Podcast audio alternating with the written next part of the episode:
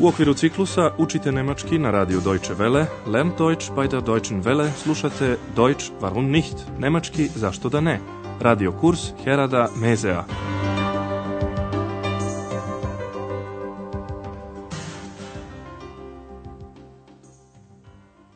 Liebe Hörerinnen und Hörer, Dragi slušaoci, danas ćete iz naše druge serije slušati desetu lekciju pod naslovom Ti uvek sve hoćeš da znaš. Du bist ima alles wissen.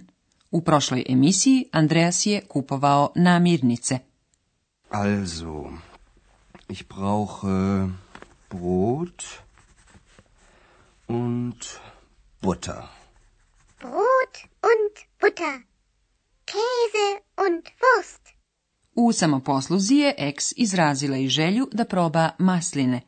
Obratite pažnju na imenicu bez člana koja se javlja kada u jednini pred njom stoji neodređeni član. Oliven. Es gibt Oliven.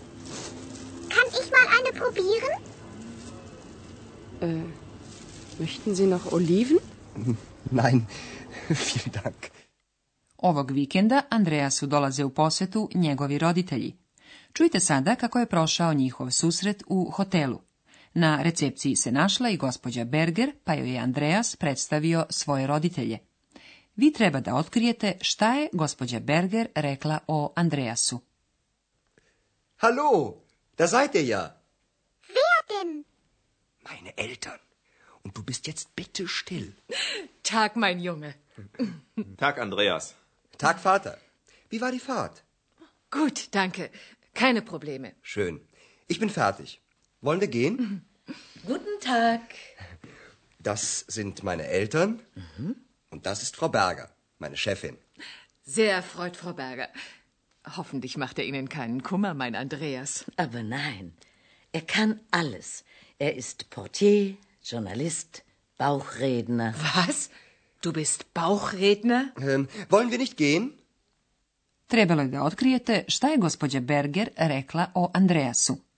Nabrojala je sve što zna. On je portir, novinar, a govori i iz stomaka. Sada još jednom saslušajte detalje ovog razgovora. Andreas je najprej upitao roditelje kakva im je bila vožnja do Ahena. Kakva je bila vožnja? Wie war die Fahrt? Zatim je saopštio da je završio s poslom. Ich bin fertig. Zato predlaže da krenemo. Wollen wir gehen? U tom trenutku dolazi i gospođa Berger. Andreas joj predstavlja roditelje. Das sind meine Eltern. A onda je i roditeljima predstavio gospođu Berger. Und das ist Frau Berger, meine Chefin. Andreasova majka je odgovorila uobičajenim izrazom. Veoma mi je drago, gospođo Berger. Sehr erfreut, Frau Berger. I majčinski brižno, gospođa Šefer dodaje da se nada da Andreas ne pravi gospođi Berger prevelike brige, kuma. Nadam se da vam ovaj moj Andreas ne pravi brige. Hoffentlich macht er Ihnen keinen Kummer, mein Andreas. Ali i gospođa Berger hvali Andreasa, ali ne, on zna sve. Aber nein, er kann alles. A zatim šaljivo konstatuje, on je portir, novinar, a govori i iz stomaka. Er ist Portier, Journalist, Bauchredner. Gospođa Šefer ne zna da je Andreas samo izmislio izgovor sa govorenjem iz stomaka da bi nekako prikrio eks. Zato je Andreas jednostavno preskočio tu temu i rekao da krenemo. Ähm, wollen wir nicht gehen?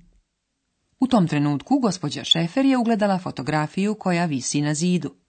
Pošto je očigledno reč o porodičnoj fotografiji, radoznala gospođa Šefer počinje da se raspituje za rodbinu gospođe Berger.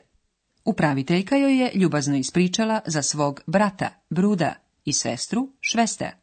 Vi treba da otkrijete šta je Andreasova majka saznala o bratu i sestri gospođe Berger. Ich will ja nicht indiskret sein, aber das ist doch sicher Ihre Familie, oder? Ja, das stimmt. Das hier vorne sind meine Geschwister. Und das bin ich. Das sieht man ja sofort. Und leben Ihre Geschwister auch in Aachen? Nein, meine Schwester lebt in München. Sie ist dort verheiratet. Und Ihr Bruder? Der ist in Frankfurt. Und Ihre Eltern? Sind die in Aachen? Nein, sie sind beide tot. Ach, das tut mir aber leid.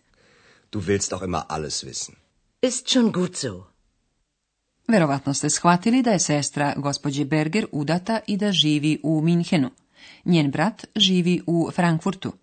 Saslušajte još jednom pažljivo ovaj razgovor. Gospođa Šefer ga je počela opreznom primedbom. Ne bih želela da budem indiskretna. Ich will ja nicht indiskret sein. A zatim je konstatovala da je ubeđena kako je na fotografiji sigurno porodica familije gospođe Berger. Ovo je sigurno vaša porodica, zar ne? Aber das ist doch sicher Ihre Familie, oder? Gospođa Berger je odgovorila potvrdno i pokazala na brata i sestru koji su na slici u prednjem planu. Ovo su moji brat i sestra. Das hier vorne sind meine Geschwister. A zatim je rekla, a ovo sam ja. Und das bin ich. Gospođa Šefer komentariše, to se odmah vidi. Das sieht man ja sofort. A zatim odmah pita da li i brat i sestra upraviteljke hotela žive leben u Ahenu. Und leben Ihre Geschwister auch in Aachen? Odgovor je negativan. Sestra gospođe Berger živi u Minhenu gde je i udata.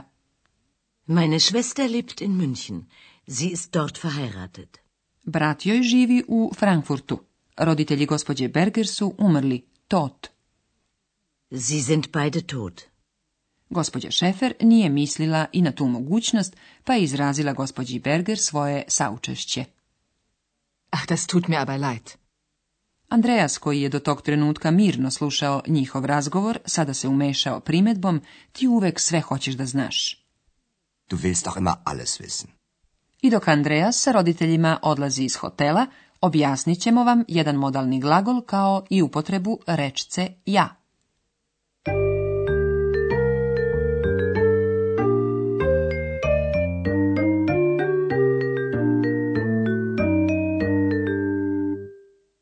Evo najpre objašnjenja modalnog glagola hteti, volen.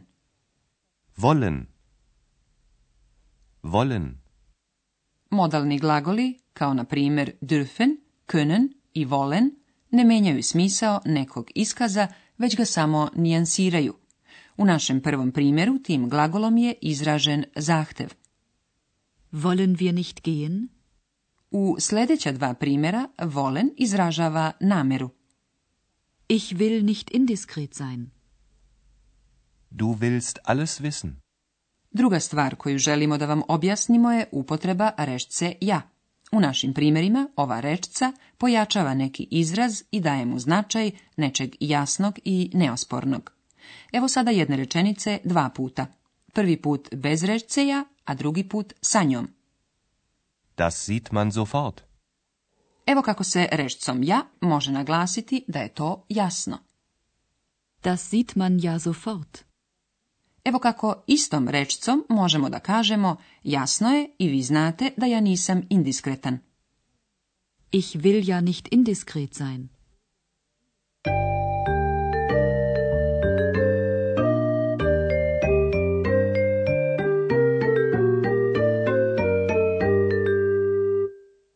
I za kraj još jednom saslušajte oba dijaloga.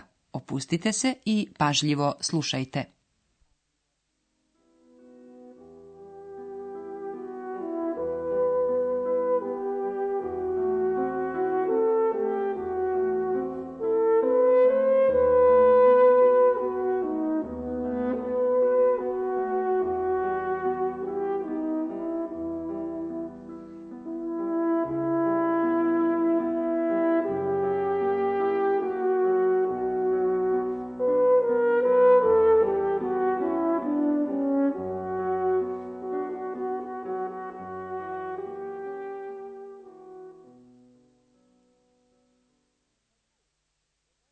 Hallo, da seid ihr ja. Wer denn? Meine Eltern. Und du bist jetzt bitte still. Tag, mein Junge. Tag, Andreas. Tag, Vater. Wie war die Fahrt? Gut, danke. Keine Probleme. Schön. Ich bin fertig. Wollen wir gehen? Guten Tag. Mhm. Das sind meine Eltern. Und das ist Frau Berger, meine Chefin. Sehr erfreut, Frau Berger. Hoffentlich macht er Ihnen keinen Kummer, mein Andreas. Aber nein, er kann alles. Er ist Portier, Journalist, Bauchredner. Was? Du bist Bauchredner? Ähm, wollen wir nicht gehen? Fotografija na zidu je gospođi Šefer poslužila kao povod da povede razgovor o porodici gospođe Berger. Ich will ja nicht indiskret sein, aber das ist doch sicher Ihre Familie, oder? Ja, das stimmt. Das hier vorne sind meine Geschwister. Und das bin ich. Das sieht man ja sofort. Und leben Ihre Geschwister auch in Aachen? Nein, meine Schwester lebt in München. Sie ist dort verheiratet. Und Ihr Bruder? Der ist in Frankfurt. Und Ihre Eltern? Sind die in Aachen? Nein, sie sind beide tot. Ach, das tut mir aber leid. Du willst auch immer alles wissen. Ist schon gut so. Doviđenja do sljedećeg susreta sa Andreasom i njegovim roditeljima. Tschüss.